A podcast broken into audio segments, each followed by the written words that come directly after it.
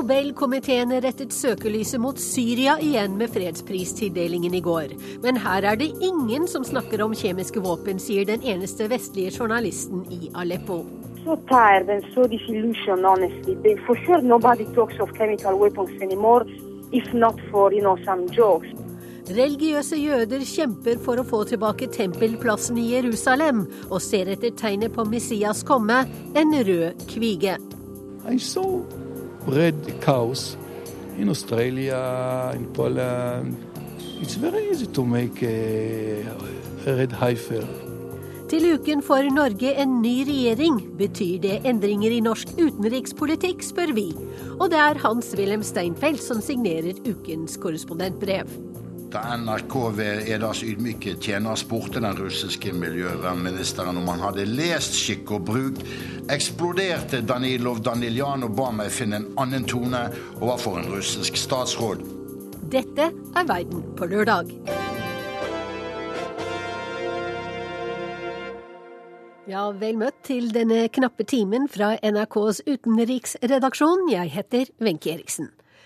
Med tildelingen av Nobels fredspris til Organisasjonen for forbudet mot kjemiske våpen er verdens øyne rettet mot Syria igjen. I forrige uke begynte OPCW arbeidet sitt i landet.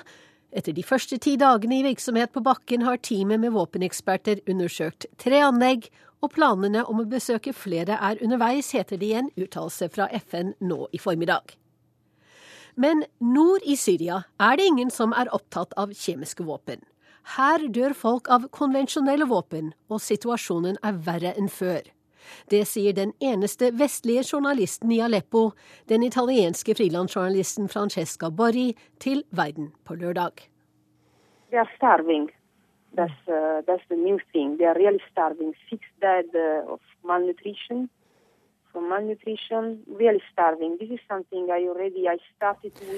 Folk sulter nå i Aleppo, forteller Francesca Borri, og situasjonen blir stadig verre. Det går mot vinter. Hun er den eneste vestlige journalisten som holder til i byen, og hun forteller om økende intern kamp mellom gruppene. Det handler om å sikre seg terreng, og ved grensa mot Tyrkia i nord er det merkbar forverring med flere Al Qaida-grupperinger som opererer med flyttbare militærsperringer.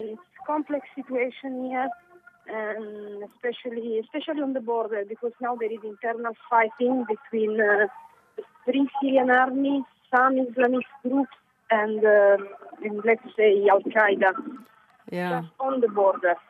And so it's um, it's a mess. Situasjonen har blitt mye mer farlig, men gjennom sine syriske kontakter tar hun seg fram til Aleppo fra tyrkisk side, sier den italienske journalisten. Inne i byen kan en fremdeles bo relativt trygt. Uh, no, you can stay in Aleppo, of course. There are airstrikes, snipers. Sometimes, you know, we forgot uh, the regime. Yeah. Um, no, the real problem now is in the countryside. So any any any road, honestly, because you have these flying checkpoints Um, uh, Av og til er det flybombing og snikskyting også inne i byen, men det er ingenting mot situasjonen på landsbygda, forteller Franziska Borri. Her er det hardkokte grupper som kontrollerer veinettet. Før var det Al-Nusra-gruppa som ble regna som den mest ekstreme. Nå har gruppa ISIS, kort for den islamske staten Irak og Syria, tatt mer og mer over. Yes, this, for sure. This is the, this is the new element. I mean, because um, even you know, uh, Jabhat al-Nusra was the last group of bad guys. Let's say so. Now they are good guys compared to the Islamic State of Iraq and Sham. Uh, and now let's say that even Jabhat al-Nusra is fighting with the Free Syrian Army against uh, this uh, group of Al-Qaeda. Uh, de tidligere verstingene er moderate sammenlignet med de nyoppståtte gruppene. Og midt oppi den desperate kampen om å skaffe seg kontroll, der det blir kjempa for hver liten landsby, går det nå rykter om at den såkalte Free Syrian Army er i hemmelige forhandlinger med Assad i Damaskus. Men hvem de egentlig representerer, er det få som veit, sier journalist Borri. Hun forteller at krigen på mange måter er verre enn før. Groups, uh, really Yes, for sure, for sure. And this is something that even uh, FSA fighters um, will tell you. Uh, nobody's hiding that anymore. And losing, extortions, and and then kidnappings of Syrians, not only of reporters. Uh, usually we, you know, we speak of det er ofte rene røvergrupper som raner og står for kidnappinger, for deretter å kreve løsepenger. Eller de selger journalister og utenlandsofre videre til andre opprørsgrupper. Det er også mange syriske ofre blant de bortførte. For de fleste i Syria er krigshverdagen så brutal at de knapt har brydd seg med de kjemiske angrepene. So tired and so disillusioned, honestly. They, for sure, nobody talks of chemical weapons anymore if not for you know some jokes and and you know it's because everybody's being killed here by conventional weapons. Hmm. Nei, ingen her snakker om kjemiske våpen. Det er i så fall som en dårlig spøk, sier hun som er alene om å rapportere fra Aleppo. Her har folk nesten gitt opp håpet. For her dør alle av konvensjonelle våpen, og de får inga hjelp, sier frilansjournalisten Franziska Borri. Og du får høre mer om livet som kvinnelig krigsreporter inne i Syria i Søndagsavisa her i P2 i morgen. Reporter var Sigrun Slapgard. For de fleste i Syria er krigshverdagen så brutal at de knapt har brydd seg med de kjemiske angrepene, hørte vi i dette innslaget. Det er eh, sterke ord, men eh, denne brutaliteten kjenner du også godt til, Ole Solvang fra Human Rights Watch. Du har jobbet mye i Syria. Hva har du sett når du har vært der?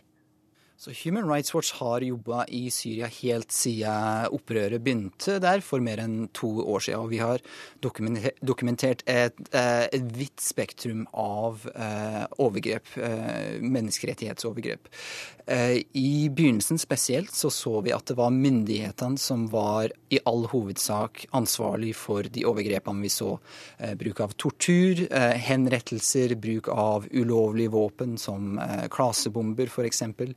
Men dessverre så har vi også sett mer og mer at eh, opposisjonsgrupper eh, også tyr til de samme midler, og vi ser eh, mer og mer at opposisjonsgrupper også begår overgrep. Så det er blitt et mye farligere sted, akkurat slik som hun sier i, i det vi hørte i stad? Absolutt. Dette er noe som vi eh, kjenner oss veldig eh, godt igjen i. Jeg har vært, i, vært Aleppo flere ganger sjøl. Eh, men det er nå en stund siden jeg har vært der, nettopp pga. kidnappingsfaren som har blitt mye høyere eh, nå enn den var før. Human Rights Watch eh, kom i går med rapporten 'Du kan fremdeles se blodet deres' som viser, som du sier, at også opprørsgrupper står bak krigsforbrytelser og forbrytelser mot menneskeheten. Hva er det snakk om i denne rapporten? Så dette er noe av de mest alvorlige overgrepene som vi har sett fra opposisjonsgrupper så langt, som vi har greid å dokumentere. I august, eh, så kun for et par måneder siden, så var det 20 opposisjonsgrupper som eh, starta en, en voldsom militærkampanje mot, eh, mot flere landsbyer i Latakia-provinsen, som ligger på vestkysten av Syria. Eh, I løpet av denne militæroffensiven så har vi dokumentert eh, veldig grove overgrep mot sivile. Eh, rundt 190 sivile ble drept, og i 67 av disse tilfellene så ser vi tydelige tegn på henrettelser. I tillegg så er det rundt 200 sivile personer som har blitt tatt, eh, tatt, til gisler, og som blir fortsatt holdt eh, av disse opposisjonsgruppene. Og blant dem er kvinner og barn? Blant dem er det veldig mange kvinner og barn. Både blant de drepte, men også blant gislene. Hvordan går dere fram når dere dokumenterer sånt? Et, en av de største utfordringene som vi ser eh, alle steder hvor vi jobber i verden, men spesielt i Syria, ettersom konflikten har utvikla seg, er at begge sider, både myndighetene og opposisjonen, eh, fører en voldsomt intensivt eh, propagandakrig i tillegg til, eh, til, den, til den vanlige krigen. Og det gjør jo sitt til at det er veldig vanskelig å, å, å verifisere og, å dokumentere hva som, hva som, skjer. Men likevel så er det det som er eh, hovedoppgaven vår. Og i de aller fleste tilfeller så prøver vi å komme oss eh, til de stedene der eh, overgrepene har funnet sted. Så det er grunnen til at jeg har vært mange ganger i Aleppo i Nord-Syria. Og eh, i dette tilfellet her i dokumentasjonen av vår siste rapport, så var det en av kollegaene mine som eh, fikk tilgang til myndighetskontrollert område i Latakia. og eh, dro dit. Og i løpet av fire dager besøkte disse fem landsbyene og intervjua mer enn 35 ofre og øyenvitner til det som hadde skjedd. Og disse ofrene er da alawitter, ikke sant, som tilhører eh, Assad, eller som er samme gruppe som Assad tilhører? Disse landsbyene er eh, for det aller meste bosatt av alawitter, og er, blir regna for å være pro-Assad, pro-regime. og det er også en av grunnene til at opposisjonsgruppene angrep dem. Og dere har pekt ut noen grupper som dere mener har utført disse overgrepene. Massakre, rett og slett. Så i denne, i denne august-massakren så har vi identifisert 20 grupperinger som deltok. Av disse 20 så er det fem der vi har sterke indikasjoner og bevis på at disse fem grupperingene eh, sto bak de krigsforbrytelsene som vi har dokumentert. Og det er bl.a. Jabhat al-Nusra og ISIS, eh, det, den islamske staten i, i, Irak og Syria, eh, som står bak veldig mange av eh, disse overgrepene. Og vi ber nå om eh, det internasjonale samfunnet, men spesielt Tyrkia, og Kuwait og Gulfstatene som har eh, finansiert eh, noen av disse grupperingene, til å slutte med det og, eh, og, eh, og, være veldig forsiktig i forhold til hvilke grupperinger som man finansierer og, og, finansierer støtter. Men tror du at de som selger våpen og støtter disse gruppene, selv klarer å holde oversikt over alle de grupperingene du snakker om? Det er, en, det er, helt klart en voldsom utfordring. Eh, men det er noe som de som ønsker å støtte opposisjonen, er nødt til å gjøre. For vi ser nå at det er eh, grupperinger blant opposisjonen som er villig til å begå eh, den type overgrep som vi nettopp har støttet. De land som støtter disse grupperingene, kan gjøre seg medskyldig i de overgrepene som, som vi ser. Så her må man innføre en, en våpenboikott mot grupper som, som som, som, man har dokumentert har utført eh, lignende, lignende overgrep. Annen, en, en, annen hovedanbefaling som vi har i forbindelse med situasjonen i Syria, er jo at det er på høy tid at eh, FNs sikkerhetsråd refererer Syria til den internasjonale strafferettsdomstolen i Haag. Nå ser vi, er vi i en situasjon der både myndighetspersoner, grupper og opposisjonsgrupper begår krigsforbrytelser og forbrytelser mot menneskeheten, da er det naturlig at eh, strafferettsdomstolen i Haag får jurisdiksjon eh, og får mulighet til å etterforske begge sider for eh, denne type overgrep. En ting som er oppsiktsvekkende i denne rapporten, bortsett fra det helt konkrete tallet, er at dere også mener at dette ikke er noen røvergrupper som plutselig har funnet på, eller ved en ulykke eller uhell drept sivile, men dette er systematisk og planlagt eh, forbrytelser mot menneskene eh, i disse landsbyene. Noe av bevisene som vi, eh, som vi eh, har studert, er bl.a. videoer fra eh, planleggingsmøter som disse grupperingene har filmet sjøl, og som har, har lagt, dem, lagt, ut. Og Der går det helt klart fram at, eh, at her har man i hvert fall ikke tatt de forbehold som man trenger å gjøre for å beskytte sivile, og i enkelte tilfeller så går det også fram at, eh, at eh, alle ble regna for å være legitime mål for eh, den militære operasjonen, inkludert sivile. Og dette er helt klart i strid med, med den internasjonale folkeretten og krigens lover. Og, og dette bør, bør, bør, de som var ansvarlig, det bør de stå til rette for. Andre videoer som vi har studert, har f.eks. også identifisert de som sto bak finansieringa av disse, disse, denne militære operasjonen. Eh, og der har vi identifisert flere individer fra Kuwait og noen av Gulfstatene eh, som, som, var med på å finansiere og, og, planlegge denne operasjonen. Og det er klart, De må også svare for eh, sin, sitt ansvar i, i, forhold til de overgrep som ble begått i, i løpet av operasjonen. Men slik du ser det nå, så er det faktisk slik at jo lenger borgerkrigen i Syria varer, jo flere overgrep, jo mer brutalt blir det? Så det vi har sett, er jo at, og det vi ser nå, i, og som vi har dokumentert i den siste rapporten, er at opposisjonen tar i bruk de samme virkemidlene som myndighetene har gjort.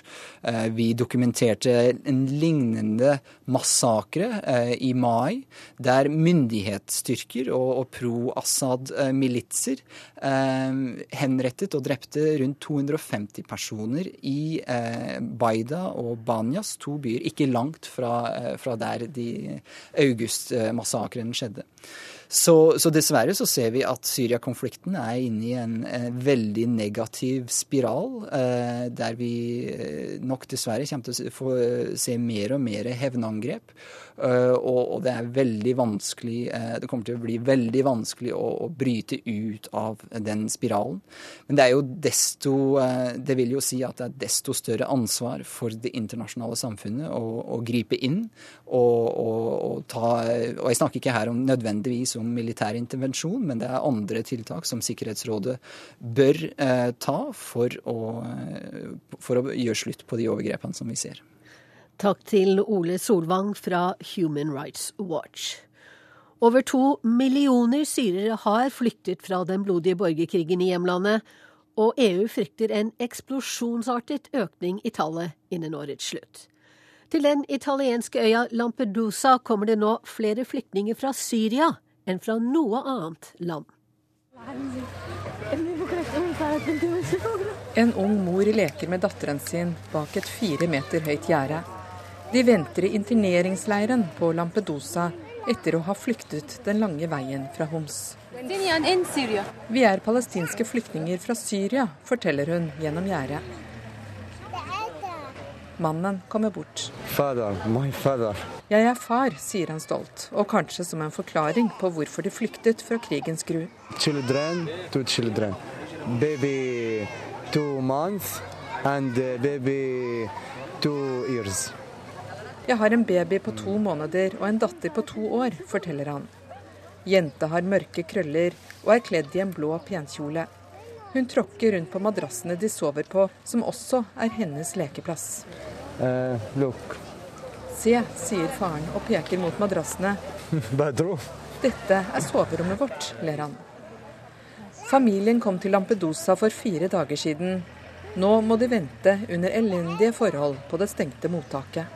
Jeg spør han om hvordan de kom til Lampedusa, og han henter frem noen bilder fra mobiltelefonen sin. Bildene viser mennesker om bord i en båt. Solen skinner, havet er blått. Det kunne ha vært sommeridyll, men dette er fluktruten som har kostet så mange menneskeliv. Egypt. Egypt. Vi dro fra Egypt. Det tok sju dager, forteller han, og henvender seg til en venn for å finne ordene. Fortell på arabisk, sier jeg. نحن لما طلعنا طلعنا من مصر طبعا نحن بمصر اول ما طلعنا طلعنا من سوريا ومن سوريا للبنان ومن لبنان لمصر Først dro vi fra Syria til Libanon, og så videre til Egypt. Men situasjonen der begynte å bli veldig dårlig etter det som hadde skjedd med Morsi. Mange syrere ble arrestert og banket opp, forteller han. Vi flyktet fra krigen til Egypt, og der ble vi banket opp. Derfor måtte vi flykte videre. Vi hadde hørt fra venner og slektninger at europeere er snille og behandler folk godt, så vi kom hit. Vi brukte sju dager fordi båten navigerte feil, men så ble vi reddet av den italienske kystvakta. Allah reddet oss, mener han.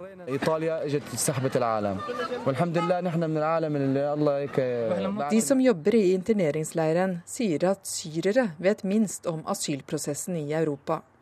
De kjenner ikke til systemet for asylbehandling, har ingen dekkhistorier eller forståelse for hvorfor de må vente i mottaket og ikke bare kan fortsette livene sine på det nye kontinentet.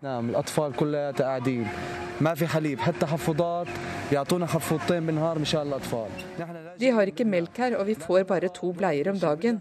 Vi er ikke kommet til Europa for å få mat og slikt. Vi ønsker å komme oss vekk fra Lampedusa. Vi vil bare videre og trenger ikke hjelp fra noen, sier syreren fra Homs. Over to millioner syrere har flyktet fra landet under krigen, og EU regner med at de vil ha passert tre innen årets slutt. Langt de fleste lever i nabolandene, men stadig flere finner situasjonen der uholdbar og reiser videre. Men til nå har bare litt over 40 000 fått opphold på kontinentet, med Tyskland og Sverige som mest åpne til å ta imot krigsflyktninger. Og vår mann er ikke i tvil om hvor familien skal reise nå. Sweden. Sweden, not Italy. Italy problem. Uh, look. Sverige, ikke Italia. Det er bare problem. Bare se, sier han. Men hvorfor Sverige, spør jeg. Bedroom good, food good, work very good. Bra hus, bra mat og bra arbeidsmarked, sier han. Sverige har sagt at vi kan komme. Der kan jeg få jobb, mener han. Sweden uh, come Syria and Palestine, no problem. Uh, work very good. Og det var vår europakorrespondent Åse Marit Befring som hadde vært på Lampedusa. I går var det en ny flyktningtragedie utenfor den italienske øya. Minst 27 mennesker druknet da en båt med flyktninger som forsøkte å komme seg fra Nord-Afrika til Europa, kantret. 221 mennesker ble reddet av mannskapet fra Malta og Italia.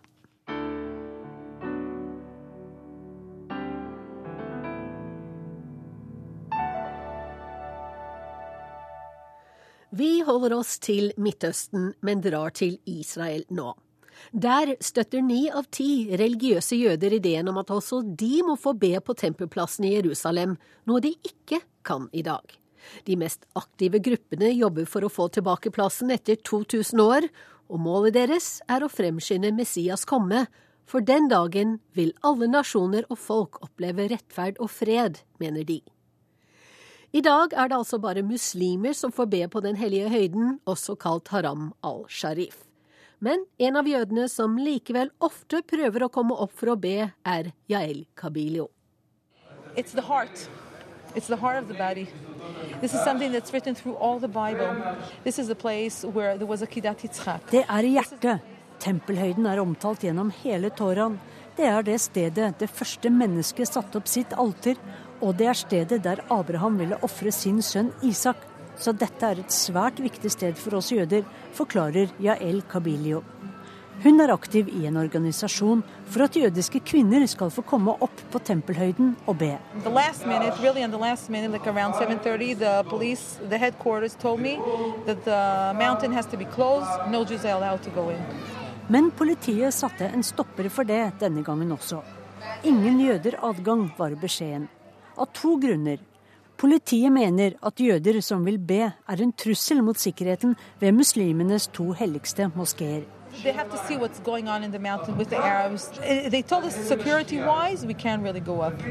Eh, really. Og mange rabbinere forbyr jøder å ferdes på den hellige høyden der deres tempel sto før romerne ødela det. For de kan i tilfelle risikere å tråkke på steder som er spesielt hellige. Så Yael Kabilio tar med seg sin gruppe barn og kvinner til et annet sted, der de i alle fall kan se til tempelhøyden. Det er som å spørre hvorfor solen står opp, svarer professor Hillel Weiss når jeg spør om hvorfor tempelhøyden er så viktig for det jødiske folk. Uh, det er det viktigste stedet for oss, sier Weiss det er det stedet der du har en direkte kontakt med Gud. To jødiske tempel har stått på Moriafjellet. Det første ble revet av babylonerne i år 586 før Kristus. Det andre rev romerne 70 år etter Kristus. For 1300 år siden bygget muslimene sin gullbelagte klippemoské over steinen der Abraham var villig til å ofre sin sønn til ære for Gud. For muslimene heter høyden Haram al-Sharif, og de mener at Ibrahim ville ofre sin andre sønn Ismail på den klippen, Ismail som er arabernes stamfar.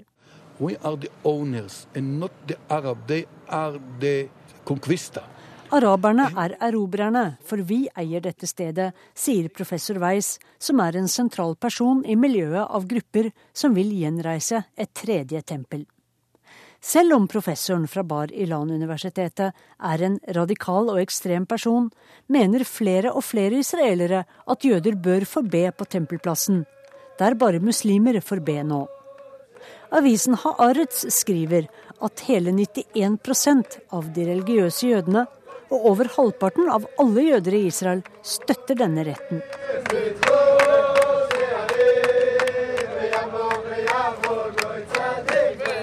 Også enkelte rabbinere tillater nå jødisk bønn på muslimenes tredje helligste sted. People, people, in, there. Sier Isar Behr. Han leder Keshev, senteret for beskyttelse av demokratiet i Israel. Han sammenligner plassen med en atomreaktor. The Temple Mount, I can uh, compare it to kind of nuclear reactor with a lot of energy inside. And the energy is boiling and working, but very easily it could be out of control and uh, to blow up.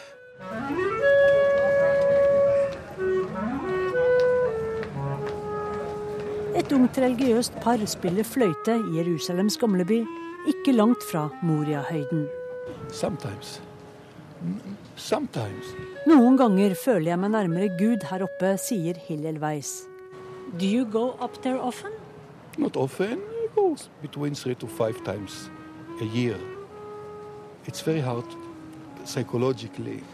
Det er vanskelig for jeg føler anspentheten. Jeg blir nervøs der oppe. It's, it's uh, make me a heart, heart attack anytime to go there. Weiss liker ikke å føle at han er på besøk.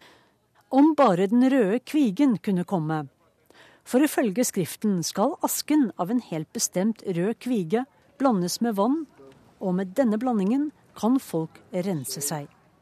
Til nå har verden bare sett ni slike kviger.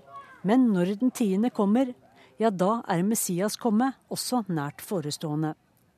Fraværet av den røde kvigens aske er én grunn til at mange jøder ikke vil besøke tempelplassen. Men tempelbevegelsen sier dette bare er en unnskyldning.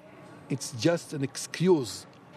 I saw red cows in Australia, in Poland, in uh, Canada, in Artsut It's very easy to make a, a red heifer.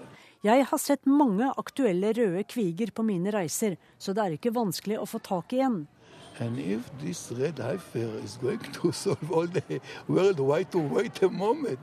Det er synd å utsette Messias komme, mener den hvithårede professoren, som tilhører en liten, men overbevist religiøs gruppe. diaspora Jews, most of them think that it's, it's teasing the Gentiles, and therefore it's a provocation. Problemet vårt er diasporajødene, som er redde for å legge seg ut med muslimer og kristne. Hillel Weiss mener de begår en stor feil når de bremser prosessen. Uh, the political supporting circle became much, much big and strong. Today there are about uh, 15 Knesset members, parliament members, who support the idea to change the status quo, to let Jews to enter in, to, to get more rights on, on Temple Mount. Sier Isar Behr. Og med dagens religiøse og nasjonalistiske regjering i Israel, ledet av Benjamin Netanyahu, får Weiss og hans tempelplassgrupper både religiøs og økonomisk støtte fra øverste hold. Det var Sissel Wold som rapporterte fra Jerusalem.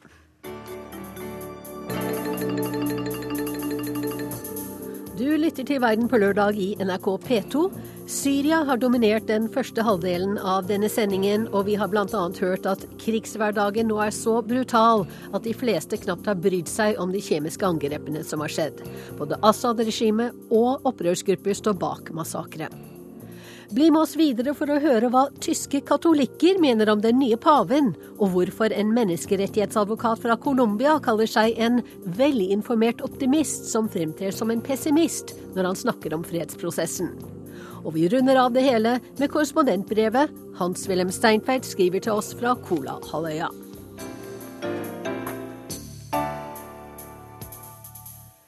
Innen Verden på lørdag går på lufta neste gang, har Norge fått en ny regjering med en ny utenriksminister og kanskje også en ny utenrikspolitikk.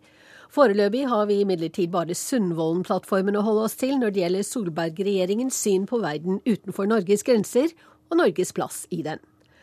Jeg har ikke klart å finne en eneste ny idé i kapitlet om utenrikspolitikk i regjeringsplattformen, og er ikke imponert, sa avtroppende stats, uh, utenriksminister Espen Barth Eide til NTB denne uken. Nå er jo ikke han noen uhildet person i denne sammenhengen, men det er du, direktør uh, i Norsk uh, utenrikspolitisk institutt, Ulf Sverdrup. Hva tror du blir den største endringen i utenrikspolitikken med den nye regjeringen? Ja, nå syns jeg de skal få lov til å komme til makten først, før vi begynner å si noe om det. Men den plattformen vi har sett, den sier jo egentlig ikke så veldig mye.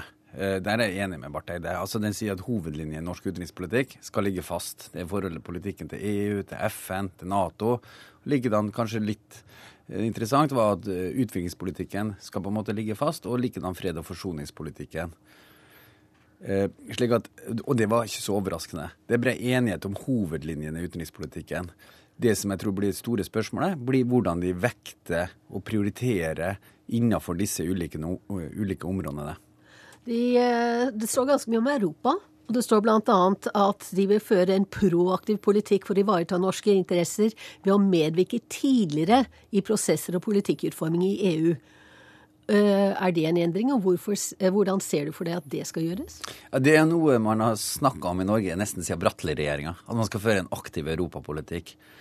Det som er hovedproblemet her, er jo at de avtalene Norge har med EU, de gir ikke veldig mye rom for å drive påvirkningsarbeid i Brussel. Så det er ikke sikkert at de får slippe til noe tidligere i det hele tatt? Jo, altså, EU, Det er ikke EU som ofte er det største hinderet her. Det er at norske politikere må bestemme seg litt om hva de vil. Men til denne aktive Så jeg, jeg, tror, Og man har gjort masse forsøk, eh, både den forrige regjering og regjeringene før det, på å prøve å bli enda bedre på å påvirke Brussel, og samtidig ha kunnskap og kompetanse hjemme til å utnytte det handlingsrommet som ligger i avtalene. Men jeg tror at det, for denne regjeringa så vil det havne noen viktige saker eh, på dagsordenen som blir litt spennende å se hvordan de håndterer. Og Det første er jo hvilken type EU som kommer ut av eurokrisen.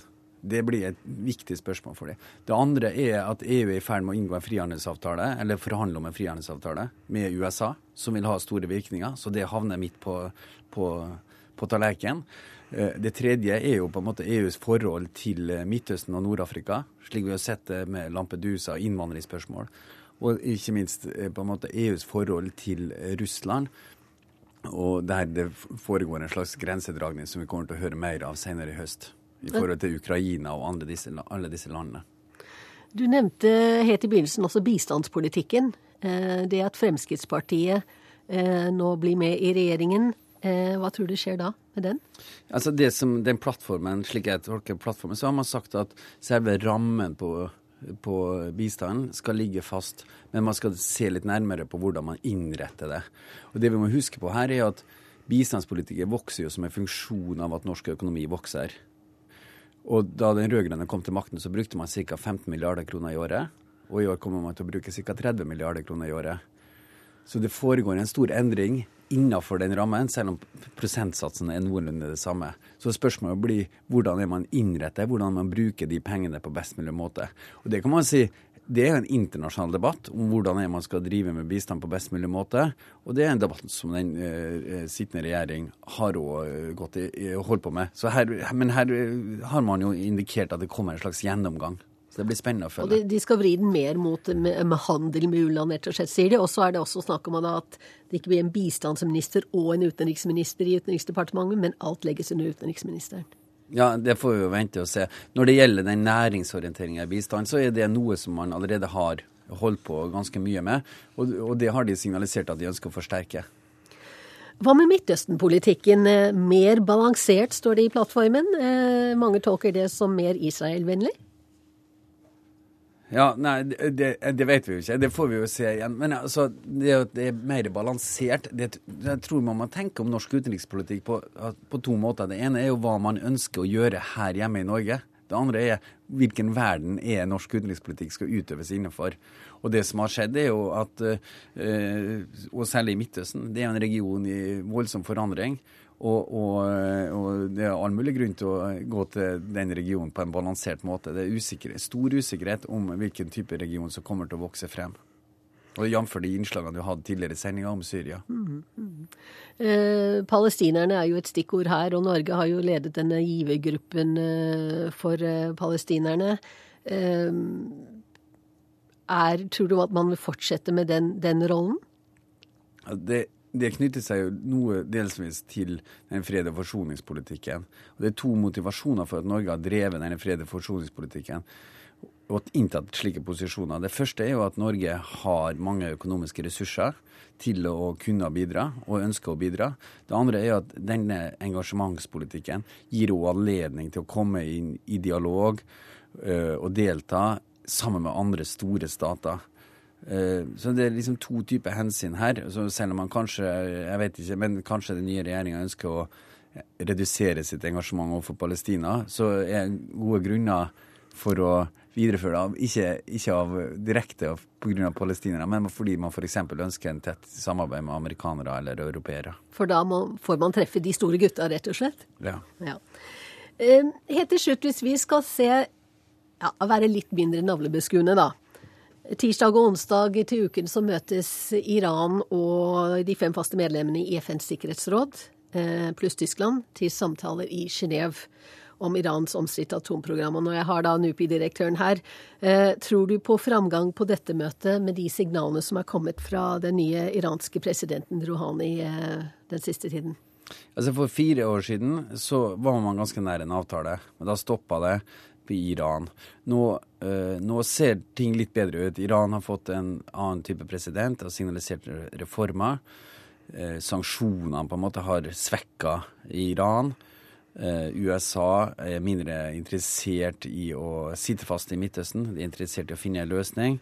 Og omveltninga i regionen gjør nok å øke sannsynligheten for at en, at man kan få en, et, en ny avtale. Så jeg er på en måte eh, optimist her, men det er andre på NUPI som kan mer om det. Jo jo, men eh, som NUPI-direktør så må du få lov til å uttale deg du også, og det har du gjort. Takk for at du var med her i Verden på lørdag, Ulf Sverdrup. Pave Frans har vakt stor oppmerksomhet med sine radikale utspill etter at han ble valgt til den katolske kirkens overhode i vår. Den nye paven gir håp om en viktig fornyelse av kirken, sier den fremste lederen for de tyske katolikkene. Han møtte internasjonale pressefolk i Berlin denne uken, og blant dem var vår reporter Arnt Stefansen, som har sendt oss denne reportasjen.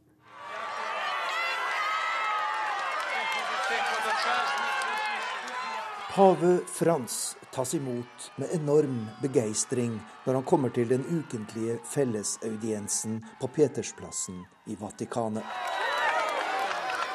Den latinamerikanske paven har tent et håp hos katolikker over hele verden. Et håp om en radikal fornyelse etter tiår med dypt konservativt kirkestyre. I løpet av sine første måneder på Peters stol har han utfordret det sterke maktapparatet i Vatikanet, og han har tatt opp viktige stridsspørsmål til ny debatt. Kvinnelige prester, sølibatet og muligheten for skilte til å gifte seg på nytt med kirkens velsignelse. La Chiesa è cattolica perché è lo spazio mer barmhjertighet, mindre moralisme. Det synes å være kjernen i den nye pavens budskap. Han vil tilbake til kristendommens røtter og til sitt store forbilde Frans fra Assisi, som utfordret og fornyet kirken på 1200-tallet. Og de nye signalene fra Vatikanet vekker stor interesse her i Tyskland. Sist torsdag møtte lederen for den tyske biskopkonferansen, erkebiskop Robert Zollitsch, pressen her i Berlin for å svare på spørsmål om den nye paven. De mennesker freuen seg auf seine Zeichen, die er setzt. Sie sind geradezu begeistert von ihm, wie auf die Menschen zugeht. Folk gleder seg over de signalene han sender ut, sier erkebiskop Robert Zollitsch. De er begeistret over at han er så folkelig i sin omgang med dem han møter, og vi som kirkeledere slutter oss til disse reaksjonene. Det pave Frans prediker, er jo de evige katolske sannheter, nestekjærlighet og enkelhet, og at vår oppgave er å nå frem til de svakeste i samfunnet, sier erkebiskopen. Men noen føler seg vel truet av hans radikale kurs, spør Verden på lørdag.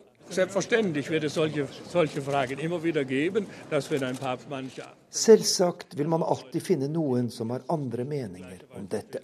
Det er nå engang slik verden er. Og det pågår nå en omfattende debatt i kirken om de ulike utspill som paven har kommet med den siste tiden. Jeg mener det er naturlig og riktig med en slik debatt, og jeg irriterer meg ikke over at noen reagerer når det stilles spørsmålstegn ved grunnleggende sannheter i vår kirke, sier den tyske erkebiskopen.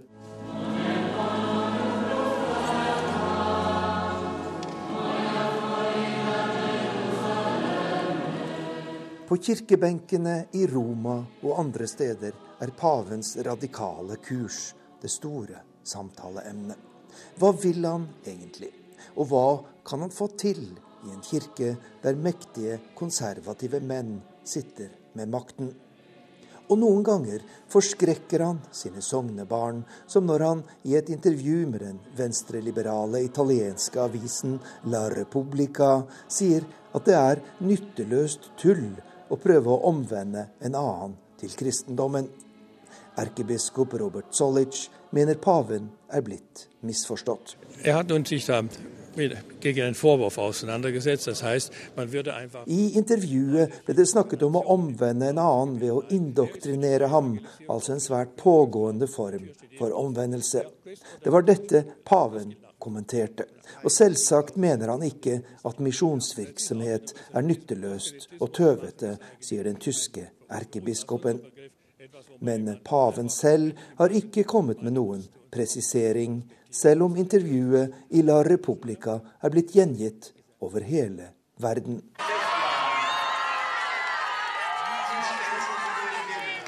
Det er et budskap om enkelhet og kjærlighet, men det truer mektige menn i den katolske kirken, og den teologiske og politiske sprengkraften er enorm.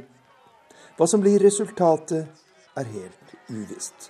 Med de nye signalene fra pave Frans, verdens mektigste kirkeleder, er uansett de mest spennende som er kommet fra Vatikanet på flere tiår.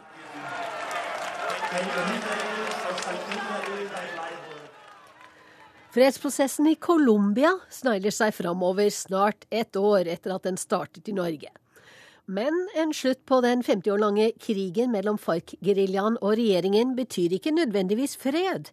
Det mener en av landets fremste menneskerettighetsadvokater, som kollega Stig Arild Pettersen har snakket med. Jeg tror vi sí necesitamos mucho acompañamiento internacional, no solamente de Noruega, sino de, de muchos que ayuden a Colombia pues, a, a salir de, de esos 50 años de violencia y de, de guerra sucia. Vi trenger hjelp fra Norge og i resten av det internasjonale samfunnet om vi skal få en slutt på 50 år med skitten krig, sier Alirio Oribe Munoz. Den fremtredende advokaten og aktivisten er på europaturné for å fortelle om de store menneskerettighetsutfordringene Colombia står overfor. Es muy importante Oribe er glad for den rollen Norge, sammen med Cuba, Chile og Venezuela, spiller i å få regjeringen i Colombia til å sitte rundt samme bord som lederne for den marxistiske FARC-geriljaen, med mål om å komme fram til en fredsavtale. Men en slutt på krigen betyr ikke nødvendigvis fred, advarer han. Ponerle fin al conflicto armado no necesariamente la paz. La paz es algo más complejo que se supone que se daría después de que se desactive el conflicto armado. Lo que habría que entender desde afuera es que como llevamos 50 años en conflicto armado en Colombia, los problemas sociales en Colombia son invisibles. 50 år med krig har dekket over de enorme samfunnsproblemene som eksisterer i Colombia, sier Oribe. Og peker på organisert kriminalitet, grove menneskerettighetsbrudd og urfolks mangel på politisk innflytelse som viktige områder. Når krigen forsvinner, kommer disse problemene til overflaten. Det blir en utfordring, mener han. Nettopp disse problemene burde i større grad vært trukket inn i de norskfasiliterte forhandlingene, mener Oribe. Sivilsamfunnet, bønder og urfolk, er helt fraværende ved forhandlingsbordet. Eh, hay algunas críticas al proceso. Por ejemplo, las organizaciones sociales critican eh, la no participación. El otro tema es que se está negociando en medio del conflicto. Og et annet problem er at samtidig som forhandlingene pågår, er det fortsatt krig mellom militære og FARC rundt om i landet. Det prates om fred i Oslo, i Havanna og i Bogotá, mens på landsbygda ser folk fremdeles bare krig.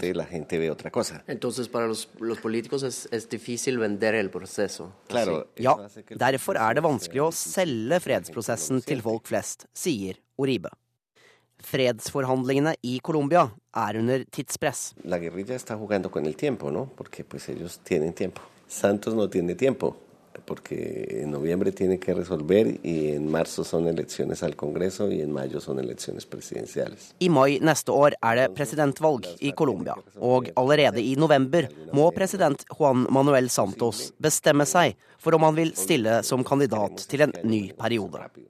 Og å drive fredsforhandlinger midt i en valgkamp er vanskelig.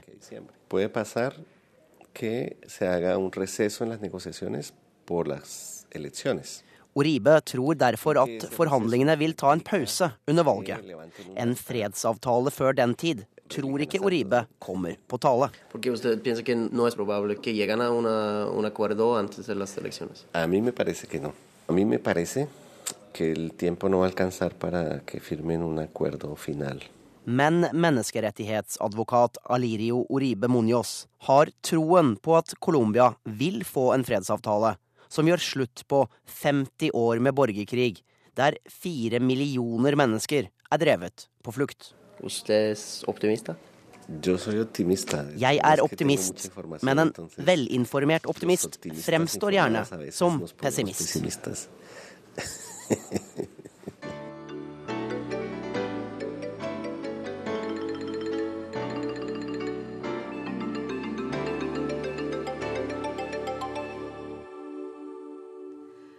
Denne uken er korrespondentbrevet postlagt rett øst for russergrensen i Finnmark. Der har vår russlandskorrespondent Hans-Wilhelm Steinfeld for første gang sluppet inn til Andrejevbukta, hvor Norge bruker store penger i arbeidet med å sikre det radioaktive avfallet fra Russlands atomubåter. Og de pengene får de, selv om Russland de neste sju årene har råd til å bruke 4,6 trillioner kroner på forsvaret sitt.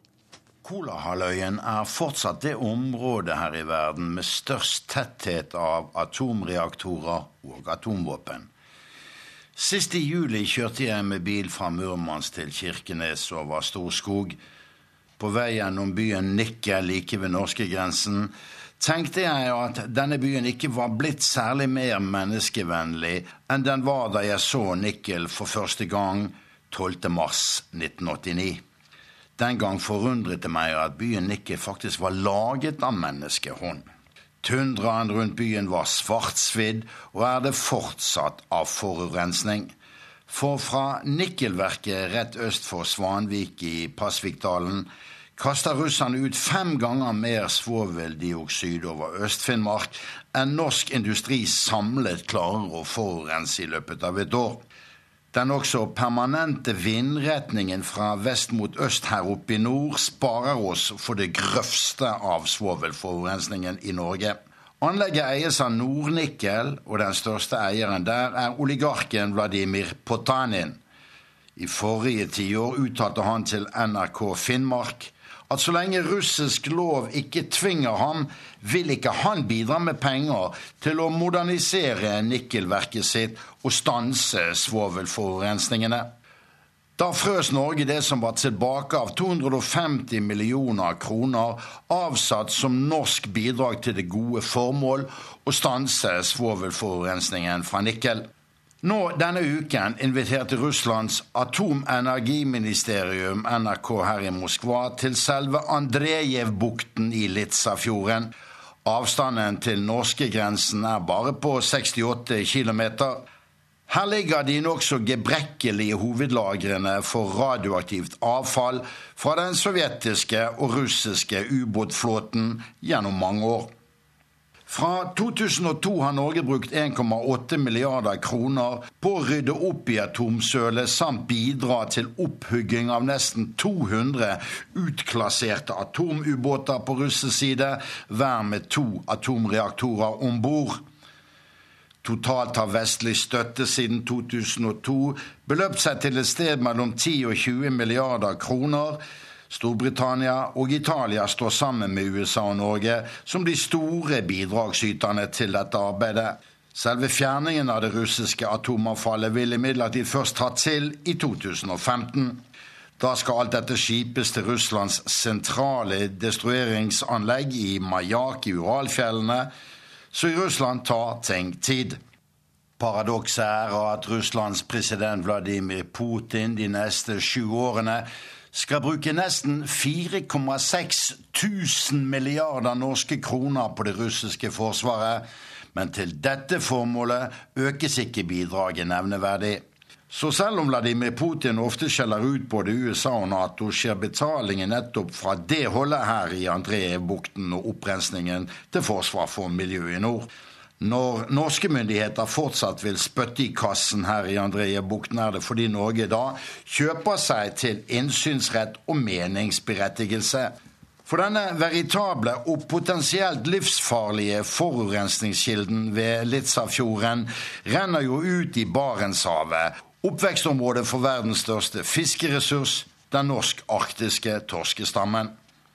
Her øst for fiskehalvøyen på Kola putrer og går også det gamle atomkraftverket Paljarnie Zori, som ligger 160 km sør for Murmansk. Allerede i 1992 sa barnelegene ved barneklinikk nummer to i Murmansk at 25% av nyfødte kom til verden med nevrologiske avvik, og legene fryktet at forhøyet radioaktiv bakgrunnsstråling lå bak. Fortsatt er tettheten av atomreaktorer på militære og sivile fartøy meget stor. Det samme er stridshodene med kjernefysiske ladninger på marinefartøyene.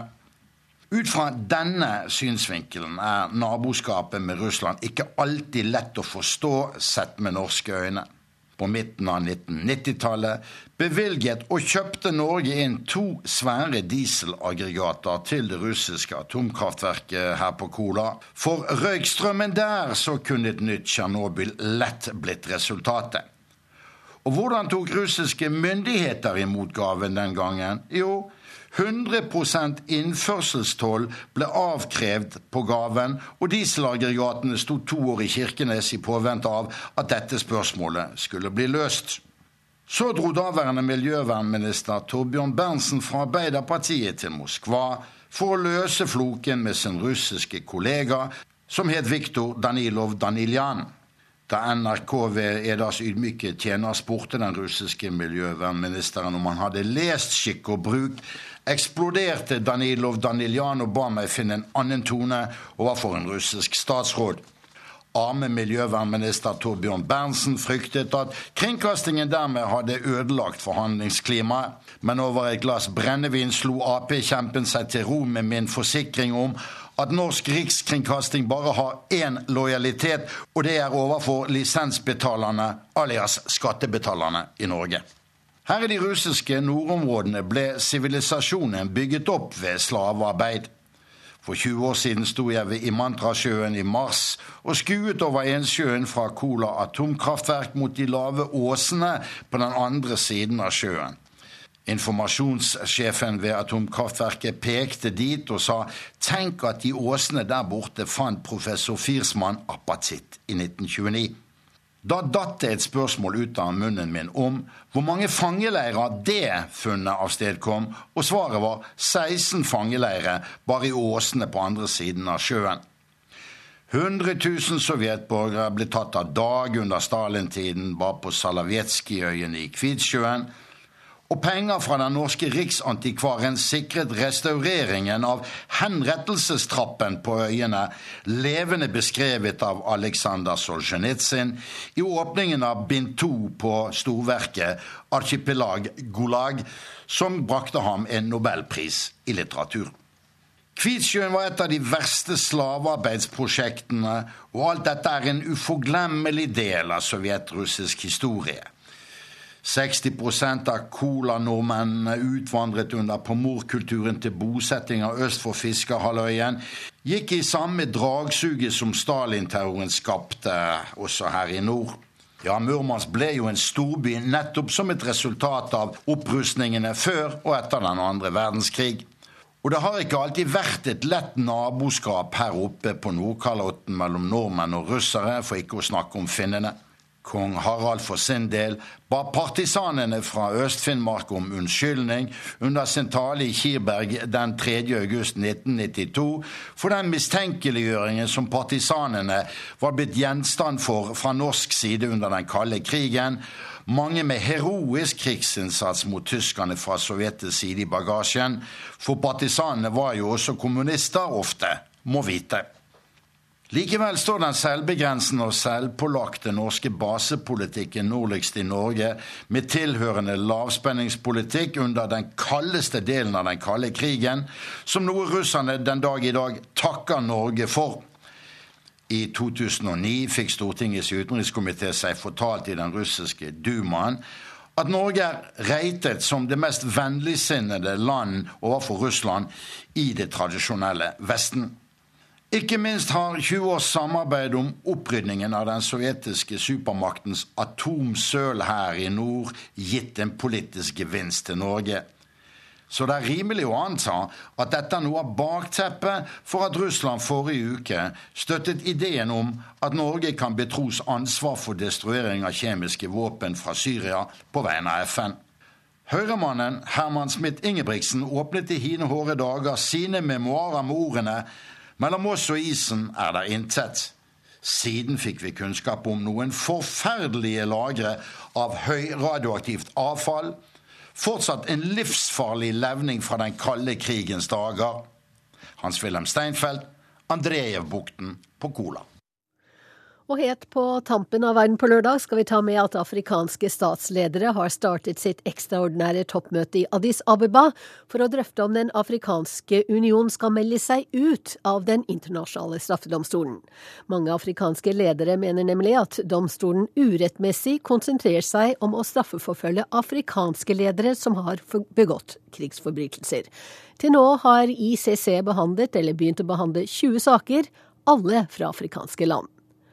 Teknisk ansvarlig for denne sendingen var Karl Johan Rimstad, Bente Alice Westgård var skript, og her i studio satt Wenche Eriksen.